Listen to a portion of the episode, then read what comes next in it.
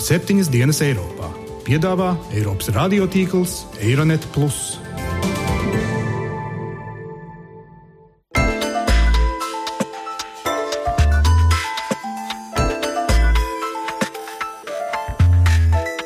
Šonadēļ septiņas dienas Eiropā dzirdēsim. Puķiņš jau tā tiesni za to atmosfēru nenavistā. Ir vilšanās par demokrātiju. Boris was one of the most formidable critics of Putin's regime. L'Europe est-elle capable de nous protéger, nous?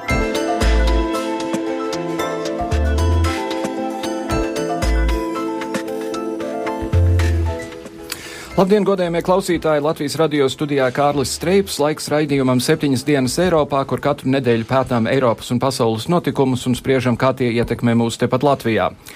Borisa Ņemcova nogalināšana uz Kremļa sliekšņa naktī uz sestdienu bija jaunākais piemērs virknē slepkavību Putina vadības laikā, kur augstu profilu pretkorupcijas aktīvisti, cilvēktiesību darboņi un Kremļa kritiķi gājuši bojā it kā nenoskaidrotos apstākļos. Sarakstā iekļautas tādas personas kā Anna Poļitkovska, Aleksandrs Ļitviņenko, Sergejs Makņitskis un citi. Nevienā no šīm lietām atbildīgās personas nav sauktas pie atbildības. Tālāk šodien raidījumā spriedīsim, kā Ņemcovas slepkavība ietekmēs Krievijas pilsoniskās sabiedrības saliedētību, bet vispirms uzklausīsim dažādus viedokļus. Vai Ņemcovas slepkavība bija pret varu vērsta provokācija, elites centieni apklusināt skaļākā kritiķa balsi, vai arī opozīcijas līderis kļuva par valdošās naidpilnās atmosfēras upuri. Versiju šobrīd ir daudz.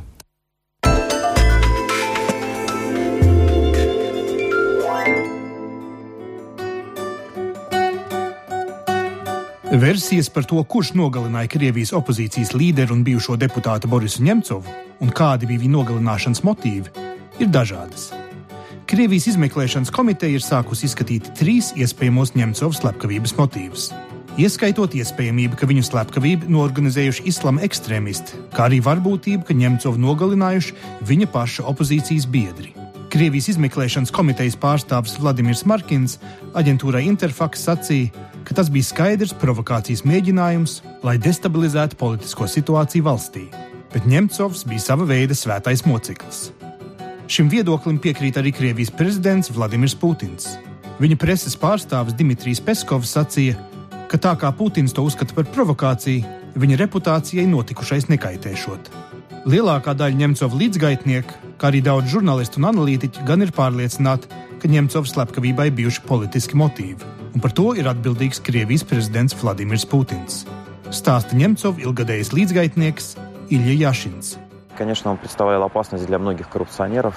Viņš, protams, apdraudēja daudzus korumpantus, taču politisko atbildību par to, kas notika, esmu absolūti pārliecināts. Nes Krievijas varas iestādes ar Vladimiru Putinu priekšgalā, jo tieši Putins ir tas, kurš ir atbildīgs par to naidpilno atmosfēru, kāda ir pēdējos gados un īpaši pēdējos mēnešos.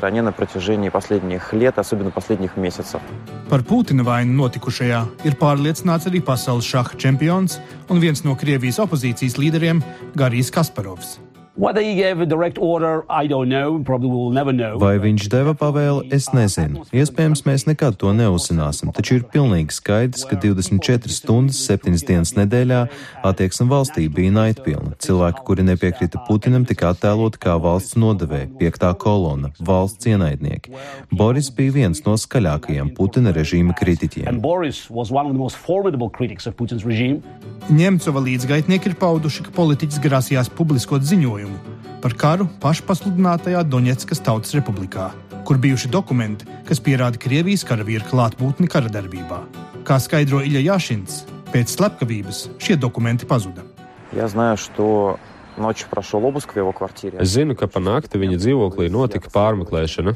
Izmeklētāji izņēma lielāko daļu dokumentu. Kas ar tiem dokumentiem notiks tālāk, ir grūti pateikt. Taču visdrīzāk visi dokumenti, kas bija svarīgi šim ziņojumam, tika izņemti. Ņemcova nogalināšana ir viena no skaļākajām slepkavībām Putina valdīšanas laikā. Līdzās žurnālistes Annas Poļitkovskas noslepkavošanai 2006. gadā. Un ņemot vērā Krievijas izmeklēšanas praksi, eksperti ir pārliecināti, ka Ņemcovas slepkavības izmeklēšana aizņems ļoti ilgu laiku.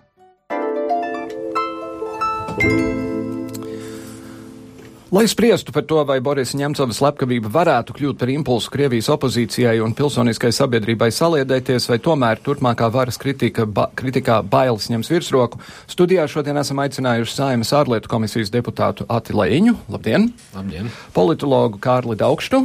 Labdien! Un žurnālistu Imantu Liepiņu. Labdien! Labdien jums visiem! Um, Lēņkungs, sāksim, sāksim ar jums. Kā Latvija pat labam reaģē uz to, kas tur ir noticis? Nu, reaģēja kā vajag, dabīgi. Es domāju, Rinkēviča kunga izteicienu vai ne.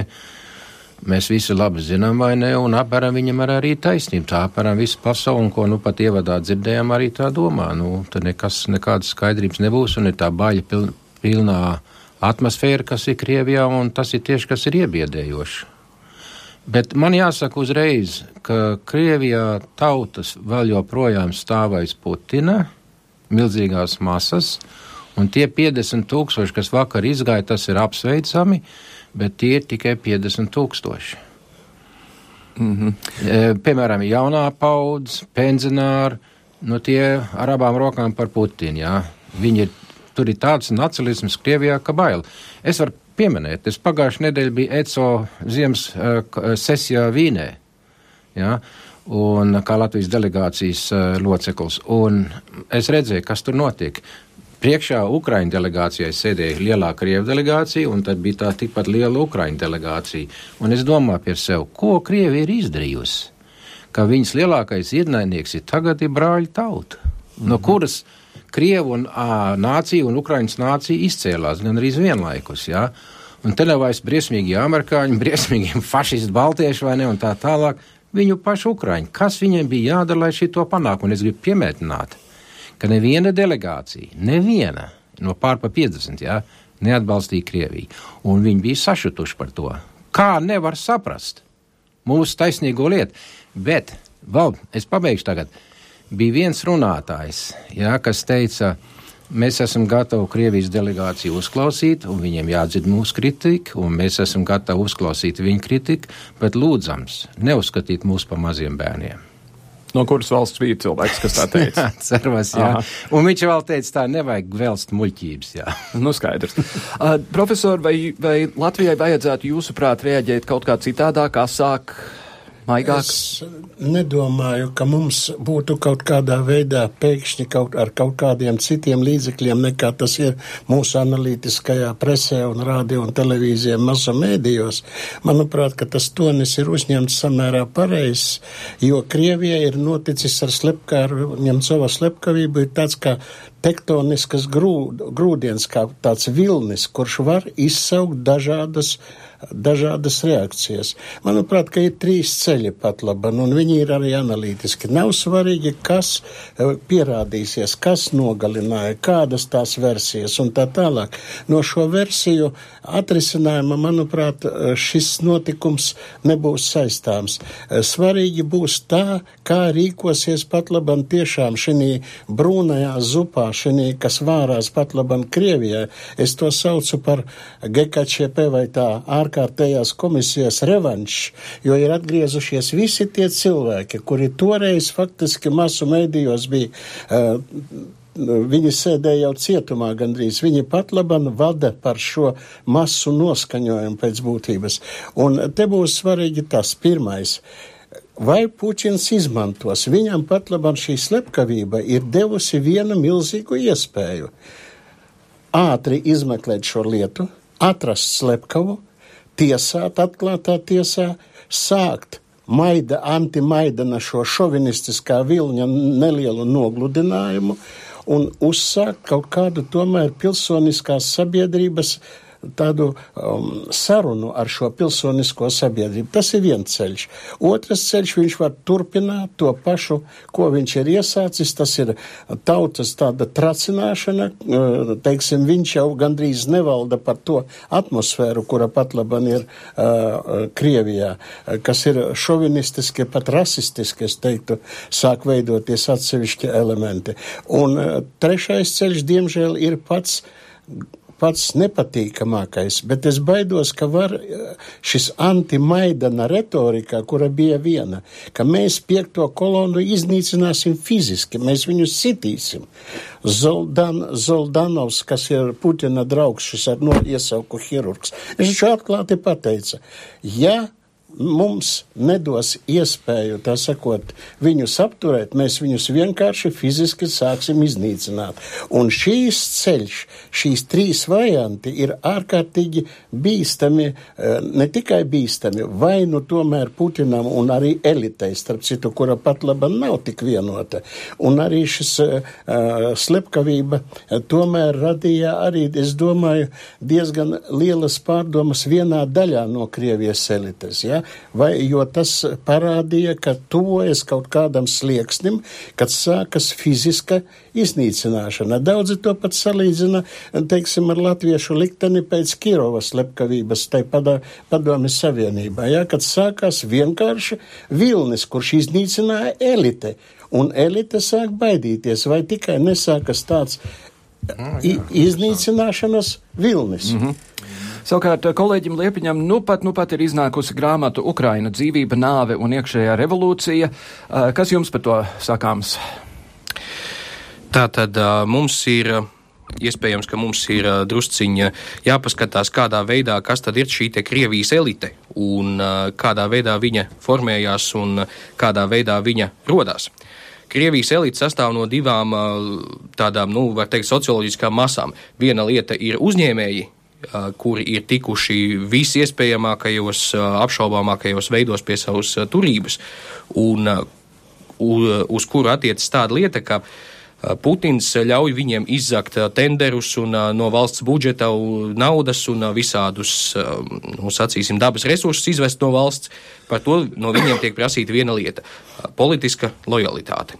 Un otra elites daļa ir visi šie siloviki, spēku struktūra pārstāvji, kuri savukārt arī piedalās šajā korupcijas orģijā, bet korupcija ir nu, institūcija pati par sevi Krievijā, jo sabiedriskais līgums Krievijā ir apmēram tāds. Uh, uzņēmējiem un silovikiem tiks atļauts izzakt naudu, un par to viņi atbalstīs Putina režīmu. Tādi cilvēki kā Ņemcovs, kas Jānaus, kas Pāraus, viņi neiederās šajā elitē, un uh, tāpēc, acīm redzot, uh, pret viņiem nu, šīs, eh, manuprāt, šī slepkavība, viņas zemteksts ir tāds, ka pret jums vispār neizturās kā pret cilvēkiem. Vienkārši ņem un nobliež un viss. Un, eh, tāpēc eh, tas, protams, tā nav ne pirmā, ne pēdējā politiskā slepkavība Krievijā.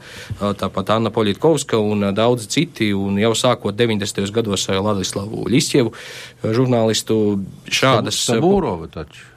Jā, protams, protams, jā, un arī tā mm, vienkārši tā kā uh, it kā dabiskā nāvē Valērija Novodorskaja nomira nesen. Nu, tā visa ir, tā ir Krievijas ikdiena. Tas, tas, ka šī slepkavība bija tik brutāla un atklāta un, var teikt, pašā pilsētas centrā un tik publiskā vietā kā uz tilta, tas ir tikai tāds, nu, um, nu, var teikt, tā, tā, tam, tam ir zinām simboliska nozīme, ka šie slepkavības izdarītāji ar to grib pateikt, ka jūs vispār priekš mums neeksistējat tik lielā mērā, ka mēs ar jums varam darīt, ko mēs gribam. Mm -hmm. Tā skaitā pēc tam draudzeni būtībā ieliekot mājas arestā. Un vienlaicīgi arī izmantojot iespēju uh, izlaupīt šos te materiālus un uh, dokumentus, un es nezinu, varbūt arī video ierakstus, ka, ka, kas ņemcovam glabājās, jo personīgi man uh, nav vajadzīgi nekādi pārliecinoši pierādījumi par to, ka uh, Ukrainā karo Krievijas regulāra armija, jo es pats viņus Doņetskā redzēju. Es mm -hmm. ar mhm. viņiem arī runāju. Bet, uh, protams, ņemcovs cerēja pārliecināt uh, visus tos, kas tur nav bijuši, kas to, kas tos, kas to nav redzējuši savām acīm. Un, protams, jo, jo vairāk šāda veida pierādījumi tiek uh, savākti un dokumentēti, jo labāk. Un man no tā rodas uh, iespējas šāds, ja pāris stundas pēc tam, kad ņemsavs tika nošauts, spēcdienas jau bija viņa dzīvoklī un sāka vākt papīrus, nevar būt, ka viņam nebija priekšzināšana par to, ka tas notiks. Vai varbūt, varbūt. Tur ir ļoti apšaubāma vispār visa šī situācijas struktūra. Pat labam šo sazvērestības teoriju ap šīs slepkavības norisi, kas sekoja, kādā veidā. Nu, var, var pat, ziniet, nosaukt galējus tādus piemērus. Nu, pirmais piemērs, protams, ka pavēli deva Obama. Un antiamerikāniskā šizofrēnija pat labam valda masu mēdījos Maskavā, klausoties šos propagandistiskos Solovjova un visus citus šo, tokšovus. Jā, tur skaidri pateicis, visizdevīgāk tas ir amerikāņiem, jo viņi grib sagraut Krieviju un tā tālāk. Tas ir amerikāņu vaina. Obama.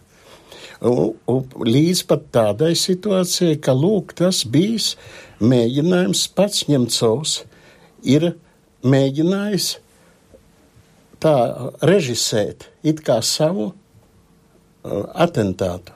Un ka šis atentāts nesot izdevies, bet tieši tā sakot ar šīs neizdevies atentāts, kura rezultātā viņš gāja bojā. Līdz pat tādiem. Tur ir tik daudz to patlaban versiju. Es domāju, ka tam arī nebūtu liela un svarīga nozīme. Svarīga ir tas, ko kolēģis teica. Ukrainas pēdas. Tur ir ļoti pat labam tiek strādāts pie tām ļoti dziļi. Tā Anna Duricka, kas bija blakus, ja, jau vakar pateica Krievu masu mēdī, ka tas nevar būt. Jo parasti tādi uh, slepkavas uh, nolīgtie, viņi parasti iznīcina arī lieciniekus. Un tā kā lieciniece ir Ukraiņu, teiksim, pārstāve un kur ir ar Kievu lielas saistība, tad tas ir SBU, tas ir, tas ir Ukraiņu slepeno dienestu darbība. Tā kā šeit, saprotiet, viņiem pat laba nav svarīgi. Svarīgi, manuprāt, kādā veidā rīkosies, pirmie signāli ir tādi nomelnot pašu pat labam ļoti spēcīgi sāk meklēt Ņemcova nomelnošana. Tas ir viens. Otkārt, masas tiek tracinātas ar to, ka uh, šie uh, opozīcijas pārstāvi ir lielākie ienaidnieki sabiedrībai. Viņi grib nogrūst mūs un saskaldīt Krieviju, un viņi ir imperialisma aģenti, tā sakot. Mm -hmm. Un šajā kontekstā, Lēņkungs, vai nav laiks Latvijai šiem opozicionāriem teikt, brauciet pie mums, jo masu mēdīja ir pārcēlušies lielā mērā, daži vismaz. Es atceros, ka Spārovs pirms pāris gadiem pat pieprasīja pilsonību Latvijā. Jā, jā. Kas ar to notika? Viņam bija jāizpild papīrs, un viņš to neizpildīja. Aha. Neizdarīja. Viņš jau bija pie mums frakcijā. No, tad bija uzstādījums, ka kaut kāds papīrs ir jāizpild, jā, personu kods un jā. tā tālāk, pasa numurs un šitā, bet man liekas, viņš bija pārāk lepns vai ne, un tur, citur. Bet es domāju, nu, ja mediji jau mums šeit ir, savā veidā drusku tiešām, ja mēs runājam par 30 gadiem, Taču Latvijā tajā laikā bija ļoti spēcīga, kā tā avīze saucās, Krievijas opozīcija. Tāpat, ka šodien, bet pavisam citādā, kā saka, gaumē. Tā bija ļoti spēcīga Latvijā, vai ne? Un, un tā jau tiešām kaut kas līdzīgs var arī te, un Krievijā jau ir arī, e, e Igaunijā jau arī viens otrs, jā. Tā kā kaut kas tam līdzīgs var atkārtoties. Tikai jautājums tagad tieši mums, jā. Kā reaģēja nu, mūsu krievi, krievi šeit Latvijā? Jo tanī laikā neatkarīgā Latvijā viņi bija pilnīgā opozīcijā pret Staļinu un viss tam, kas tur notikās, jā. Bet ko dara mūsu krievi šodien? Mm -hmm. Ja klausāmies radio un ja klausāmies televīziju, nu pat de facto vakar bija par to um, Reizeknas pilsoni, krievieti, kas teica, es viņi neskatās uh, Latvijas televīziju un neklausās radio, jo mēs melojam. O, patiesā ziņa nāk no Maskavas, un mm. viņi skatās tikai Krievijas televīziju. Redziet, kā ir laiki mainījušies no 30 gadiem uz šodien. Un kaut viņi dzīvo tepat Latvijā, un viņai ir iespējas salīdzināt. Ne, viņi pat to negrib salīdzināt. Mm -hmm. Liepiņkungs, eh, ja reiz tagad Krievijā ir iznīcināts ziņojums par to, ka Krievija piedalās Ukrainā, kas visai pasaulē ir pilnīgi skaidrs, vai no, vai no tā izriet, ka, ka režīmam tagad būtībā ir pilnīgi vienalga, ko pārējā pasaule domā, un viņš tur ruķīs tālāk, kā vien ienāk prātā? Man bail, ka viņiem īstenībā jau visu laiku ir bijis vienalga, tikai viņi nu, kaut kādā veidā mēģina tur brīžiem izturēties ar cilvēcisku seju, bet uh, um, Krievijas um, šī valsts uh, struktūras, nu, teiksim, valsts uh, struktūra kā organisma eksistences mērķis ir pilnīgi pretējs tam, ko mēs esam pieraduši. Nu, pie mums valsts pastāv tāpēc, nu, lai atbalstītu vājos, lai kaut kā sabiedriskās uh, struktūras noturētu lī, līdzsvarā, lai pilsoņu intereses salāgot un tā, un dot tādu stabilu pamatu dzīvei, tad Krievijas valsts mašinērijas eksistences mērķis ir apspiest sabiedrības lielāko daļu, zombēt viņiem smadzenes, nodrošināt represīvo aparātu ar darbu un ļaut šim te represīvajam VDK, GRU un pārējiem nu, teiksim, pārējām šīm te mūžam dzīvajām struktūrām ļaut kontrolēt sabiedrību un nevis rīkoties šīs sabiedrības labā vai kaut vai tāpēc, lai noturētu visas intereses līdzsvarā. Interešu līdzsvars Krievijā nozīmē intereses starp uzņēmējiem, silovikiem un tā tālāk, bet ne visplašākās sabiedrības intereses. Un tāpēc es baidos, ka ar šo te slepkavību un visu to, kas jau šobrīd parādās viņas tā saucamās izmeklēšanas gaitā, mēs jau redzam, ka Krievijas nu, šī valsts struktūra, nu, parāda, kas viņa ir. Mm -hmm. Daugstkungs, vai no tā būtībā neizriet vēl ceturtais iespējamais ceļš, proti apvērsums pret Putinu? Jo es neticu, ka tie oligārhi ir, ir pat labi apmierināti ar visām sankcijām un to, ka būtībā Krievija pati sevi ir iegāzusi lielā haosā. Es pilnīgi piekrītu kolēģiem par to, ka vispār Krievijas elite tiešām ir sadalījusies divās daļās. Viena daļa tā ir tie tā saucamie oligarhi, kuri ir iegūši milzīgus miljardus un viņu intereses ir saistītas ar pasaules globālo situāciju un struktūru. Viņi grib būt tajā Viņi grib būt pasaules uh, tirzniecības un finansu sfērā darbībā, un viņus neapmierina pat labam tas, ka tiek izmesti viņi no aprites, ja? bet, manuprāt, ka pēdējā laikā tomēr pārsvaru gūst un piekļūst Putinam tikai un vienīgi uh, spēka struktūru pārstāvi. Tie ir Šoigo, tas ir Rogozins, tie ir cilvēki, kuri ārkārtīgi impēriski noskaņoti, kuri ir par saska, sadalītās Krievu pasaules apvienošanu un kuriem ir ļoti liela ietekme. Militāri rūpnieciskā kompleksa domāšanas stils, militarizētais, tāds stils, manuprāt, pat labam gūst virsroku. Es pat domāju, vai ziniet, e, ir vēl viens, ka tas ir signāls iespējams. Es tikai to kā versiju, ka Putins nezināja par šo slepkavību e, ka iespējams viņa apkārtnē jau ir tie cilvēki, kuri uzskata, ka Putins ir par liberālu ka tie ir cilvēki, kuri saka, ka laiks rīkoties pie daudz diktatoriskākām uh, pa, paņēmieniem un iespējām. Atlaist parlamentu un nav izslēgts. Šī, šī militārā apvērsuma iespējas arī Krievijā, viņas tiek diskutētas tiek diskutētas. Un tai pašā laikā, protams, ka tie bērni, kuri mācās Londonā, daudziem oligarhiem, kuriem ir jahtas, dzīvokļi, un viss viņu dzīves veids nav saistīts ar braukšanu uz uh, Kazahstānu atpūsties, jeb, uh, jeb Sibīrijas tālajos uh, plašumos, jā, bet kuri tomēr cenšas dzīvot tajā rietumu pasaulē, kur viņiem saistās viņu dzīves veids, viņi tomēr, manuprāt, manuprāt, sāk, un tas ir jūtams. Piemēram, kūdrina izteikumi, daudzu tādu uh, pietuvinātu cilvēku izteikumi, uh, kuri saka, ka mums tomēr vajadzētu netik strauji aiziet no tajā uh, ielenktā cietokšņa psiholoģijā, ka mums tomēr jādarbojas pasaulē. Tāpēc šo divu ideoloģiju vai divu pieeju sadursmes varianti ir ļoti dažādi. Mm -hmm. Un nav jau tikai oligārhi, Putina meitas jau arī dzīvo ārzemēs. Jā, bet te, te tomēr ir, te, man ienāca pat prātā, tā kā IS, jā, islāma teroristi, jā, kas ir ieņēmuši tagad Sīriju un Irāku, Ziemeļ Irāku un tā tālāk. Kur arī no Latvijas tagad kāds nu, ir devies. Tri, jā, arī tas, jā, nu, mums ir trīs arī Krievu pusē Ukrainā. Bet, uh, ziniet, tas IS, viņi nestrādā organizēti Eiropā. Viņiem ir, viņi pat nav autono, autonoms šūniņas, viņi vienkārši uz savas galvas strādā. Ja? Un te jau varētu būt tā vide, kas ir izaugusi Krievijā, ja? ka šitie zēni, ne, kas tika tagad nu pieminēti, ja? tie sāk domāt, nu mums kaut kas vairāk jādara, vai ne, jāpalīdz Putinam, ja? un šitādai veidē viņi ieskatā, viņi sāku strādāt, ja? un tas ir ārkārtīgi bīstami. Rietumos jau mēs ar šito tiksim gatavi, ja? jo mums nav tik milzīgs pretruns mūsu sabiedrībā, kāds ir Krievijā. Tur jau lēnām briest, vai ne? Un es gribētu vēl vienu lietu pateikt.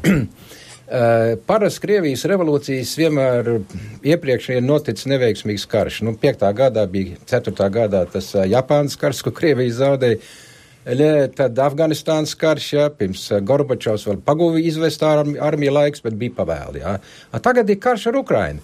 Un ja Putinam neizdosies destabilizēt un sagraut Ukrainu, un ja Ukraina tomēr saņemās un noturās, ja, tad Putins ir, kā saka, nonāc, nonāks ļoti grūtā situācijā, jo tas karš maksā, un ar laiku, vienalga citā Krievu, tas nacionalisms tagad ir uzkurināts, ar laiku sāks cilvēki domāt par pagaidu, nu, ko es no tā guvu beig beigās, ko es no tā guvu pret mūsu tautu brāļu tautu Ukraina. Kāpēc mums bija tur jāiet? Iekšā? Vēl jau vairāk ņemot vērā to, ka, ja viņi grib turpināt Donbassā, viņiem tur būs jāsūta vēl un vēl un vēl un to kareivi un, un traģīs, traģēdijas tur notiks un mātes būs, būs skumjas. Bet tik, kāpēc tikai mātes ir arī tēvi, Johai? Jā, jā, nu, bet, bet uh, mātes bet, tiek simbolizētas jā, šajā bet, kontekstā. Uh, bet ir jau tas, tomēr mēs zinām par tām plaisām, kas var rasties, jā, pārtika, jā, sāls vēl ir, bet, nu, kā būs ar citā, citām lietām, rublis nafta, nafti ātri neatkopsies. Mm -hmm. Un te ir dziļāks saknes starp citu. Ja?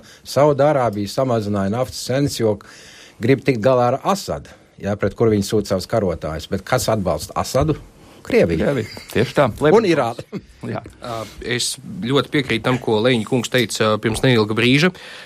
Manuprāt, un tas ir tā lieta, par ko es jau ilgāku laiku baidos, ka uh, šie te dažādi salašņu grupējumi, kas tagad darbojas Doņetskas un Luhanskas teroristu republika iekšienē, viņi tur ir sajutuši tādu visatļautības un bezpreģēlā garšu, un viņi tagad ir, es, es ticu, ka vismaz kādam no viņiem ir ienākusi prātā iespēja, ka viņi šo te savu visatļautību eksportēs uz citurieni. Un tas nozīmē, ka viņi var mēģināt uh, dažādus citus uh, sev nevēlams cilvēkus, tajā skaitā tādus kā ņemcovs, nošaut, um, tāpēc, ka viņiem tā šķiet, un nevis tāpēc, ka viņiem Putins ir tiešā ceļā devis pavēli, bet arī tāpēc, ka viņiem vienkārši šķiet, ka viņiem vajag savus opozicionārus likvidēt jebkur, lai, lai kur arī viņi atrastos. Un es nesaku, ka tā, ka tā ir ticama iespēja, ka tieši šajā gadījumā ņemcovu būtu uh, nu, novākuši, preventīvi novākuši tie paši Donbass bandīti, pret kuriem ņemcovs vāca materiālus, bet uh, es ticu, ka citās reizēs arī šāda situācija var kļūt aizvien reālāka. Bet tie, tieši tāpat, starp citu, kā tā minētā islāma valsts ir nolēmusi, ka viņai ir tiesības griezt cilvēkiem rīklus un pēc tam likt, likt internetā bildes. Nu, to var teikt, likumīgā kārtā ir aizsākusi Savienoto valstu valdība un arī Krievija, kas jau vairāk kā desmit gadus atpakaļ katra ir nolēmusi, ka viņiem ir tiesības sodīt ar nāvi cilvēkus neatkarīgi no to atrašanās vietas un neatkarīgi no neatkarīgi no, teiksim, no tā, vai vispār ir kaut kāds tiesas nolēmums uh, vai nav. Un uh, gan Krievija, gan uh, ASV to ir darījusi jau vairāk kā desmit gadus. Tā kā mums šeit pat nevajag skatīties uz teroristiem, bet to dara pat it kā cienījams valstis. Mhm. Uh, tad, kad jūs, jūs teicāt, ka jūs Donbasā redzējāt Krievi, Krievijas karavīrus, vai jūs arī viņiem runājāt? Un, ja tā, ko viņi te paši teica? Viņiem ir visai ļoti šaurs priekšstats.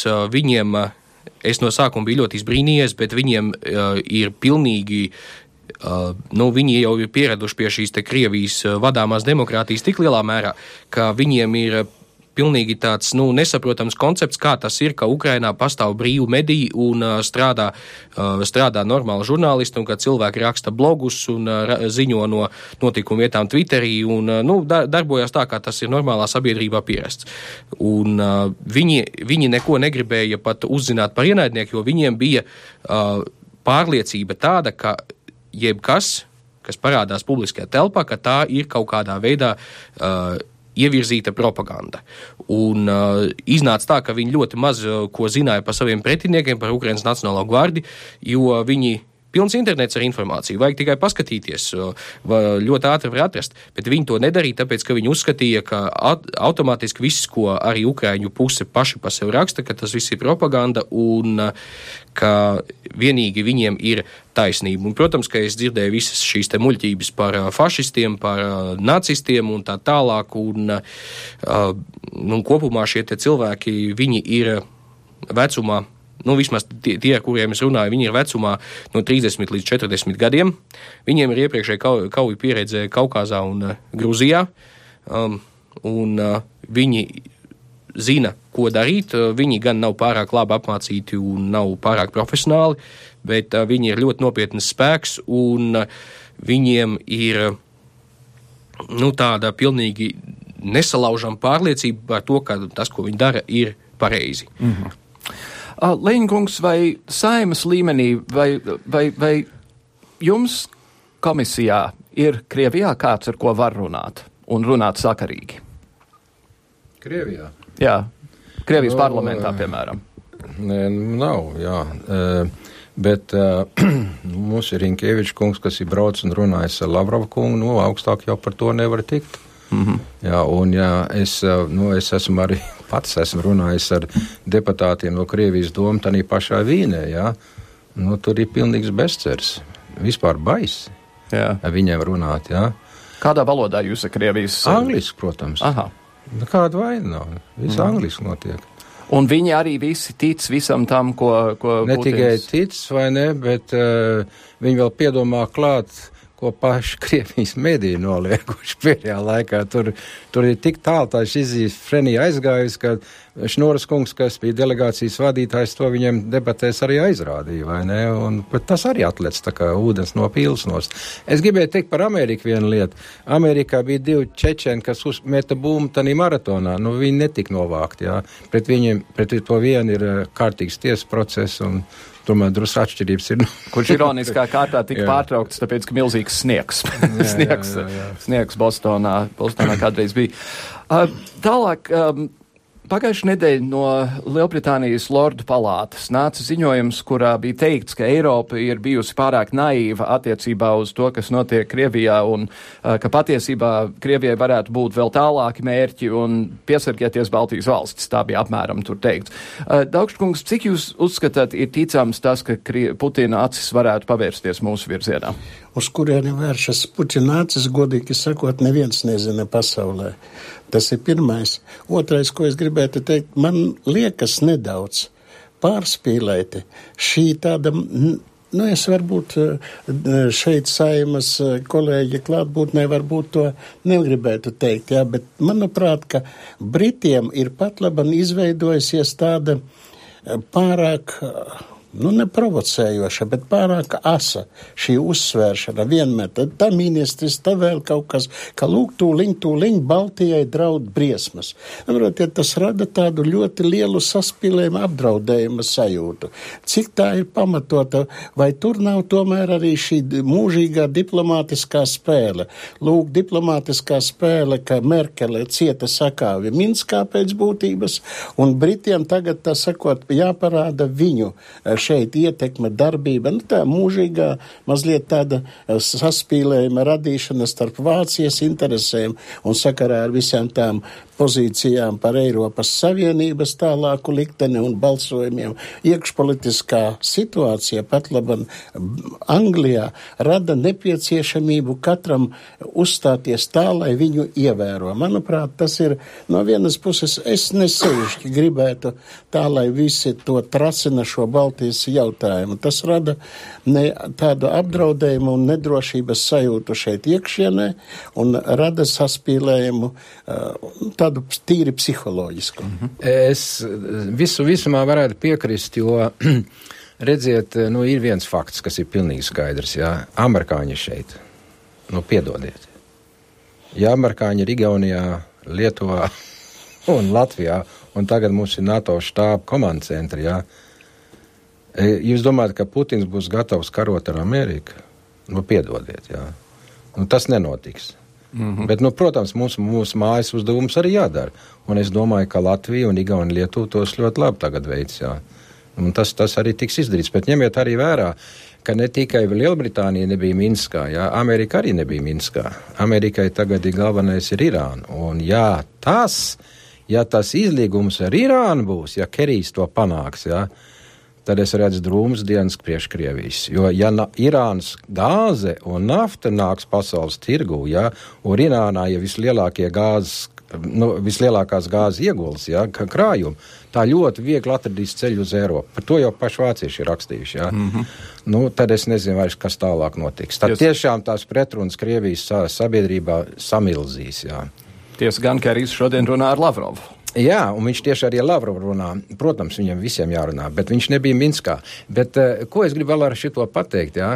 Briti un amerikāņi parakstīja to Budapeštas līgumu Ukrainā, ka piespiedu pierunāja atdot atomieročus ja, Krieviem. Ja. Viņiem ir pienākums kaut ko tagad darīt vairāk, īpaši tāpēc, ka viņi nebija Minskā. Ja. Un tagad viņi sūta 75 karavīrus uz Ukrainu. Ja. Tas nav daudz. Padomdevējus. Bet, bet ko vairāk vajag? Viņiem taču jākaro Ukraiņā. Viņi ir mm -hmm. padomdevēji. Un, ja Ukraiņi klausīs šiem padomdevējiem, Brita armija tomēr prot karot, jā, tas nu ir fakts, e, tad jau kaut kas uz pozitīvo jau sāk parādīties. Un kas notiek apvienotās Arābu Emirātos, ja tā ieroču izstādē? Ja? Nu, izrādās, ka emirāti, kas neražo nevienu šauteni, sāks pārdot ieročus Ukrainā, ja? modernos ieročus. Nu, mēs dabīgi zinām, kā tas viss notiek. Ja? Mm -hmm. Tas ir skaidrs. uh, vēl pēdējais vārds, Liepiņkungs, mums ir jā, jāiet uz beigām. Es gan nebūtu tik uh, optimistisks attiecībā uz to, ka Krievijai nav plāni Latvijā. Skaidrs, ka plāni ir, viņi ir arī pat sarakstīti. Jā, mēs... jā, protams, ka ir plāni, bet. jā, un tāpēc. Uh, darīsim katrs, ko mēs varam, stāsimies zemesardzē un uh, stiprināsim pilsonisko sabiedrību visādos veidos, lai šie te plāni paliktu tikai plāni. Mm -hmm. Un ar to domu es, es baidījos, ka jūs teiksiet vēl kaut ko smagu. Tā, ar šo domu mēs arī varam uh, beigt šo interviju. Atis Lēņš, Kārlis Daugšs un Imants Liepiņš. Paldies jums visiem trim par sarunu. Paldies, Paldies jums! Filozofs, politekonoms un revolucionārs Kārlis Marks reiz teica, zinātnē nav plašu bruģētu lielceļu, tās mirdzošās virsotnes var sasniegt tikai tas, kurš neļaudamies nogurumam raušas augšup pa tās akmeņainajām takām. Mēs septiņas dienas Eiropā zinām, jo biežāk stāvam uz akmeņainām takām blaku zinātniekiem, noskatoties, kā politiķi traucas garām pa plašajiem lielceļiem. Eiropas komisijas prezidenta Žana Klauda Junkera iecerē lieliskajā investīciju plānā tomēr neatvēlēt tik daudz vietas zinātnes finansēšanai, kā sākumā solīts, radījusi neizpratni un nosodījumu Eiropas vadošo pētnieku aprindās, kā to pagājušajā nedēļā vēstīja izdevums EU Observer. Situāciju komentēt aicinājām pērn Pasaules ekonomikas fóruma balvas ieguvušo Latvijas Universitātes pētnieku kvantu fiziķi Jačeslavu Kašķējevu tā situācija, kura Eiropa atrodas, nav vienkārša, un tā iniciatīva ar tādu nevienkāršu rīcību, protams, izraisa nu, interešu un spēku pārbalansēšanos. Un tas, kas attiecas uz pētniecību, nu, tāds no kopēja viedokļa mans redzējums ir, ka, protams, šeit ir jautājums par prioritāšu pārbalansēšanu. Par to, cik lielā mērā mēs varam atļauties mēs, domājot, Eiropas līmenī varam atļauties veltīt nākotnes tehnoloģijām, kuru atdeve ir vislielākā, bet ir ilgtermiņā. Un cik lielā mērā ir nepieciešamas investīcijas tajās pētniecības un inovācijas dimensijās, kuras nes atdevi, uh, ekonomisku atdevi, darba vietu radīšanu jau tuvākā termiņā. Es domāju, šī spriedze starp pētniekiem no tā ilgtermiņa gala un no tā varbūt ražošanai tuvākā ir pamatā šīm diskusijām un iespējam, iespējamam konfliktam. Un, uh, savukārt, ja es paskatos no savām pētnieku kurpēm, tas, protams, izraisa satraukumu un arī tas sākotnējam Junkara plāna nepieciešamās investīcijas tiks ņemtas arī tieši no pētniecības budžeta kabatas, no Horizon 2020 programmas, un uh, vēl, vēl tādā mazākā mērogā skars arī nākotnes iespējošo tehnoloģiju, pie kurām pieder arī kvantu nanoelektronika, kurais veids savus pētījumus, kuri no, no, no šīs programmas pa, pašlaik tiek finansēti. Tā kā, protams, ir saprotams, ka ir nopietnas bažas satraukumam, jo ilgtermiņā tieši resursu un talantu koncentrācija Eiropā ir tas, kas nodrošina visas Eiropas un tās atsevišķu dalību valstu konkurētspēju. Ar to arī izskan šīs nedēļas septiņas dienas Eiropā, dāmas un kungi. Paldies, ka klausījāties. Nu, ko daudz var rezumēt? Vieglas smiltis Borisam Ņemcovam. Uh, palīdzēsim Krievijas opozīcijai, kā vien varam, un, kā teica Liepiņa kungs, darīsim visu, lai stiprinātu mūsu valsts drošību. Līdz nākamajai nedēļai visu labu!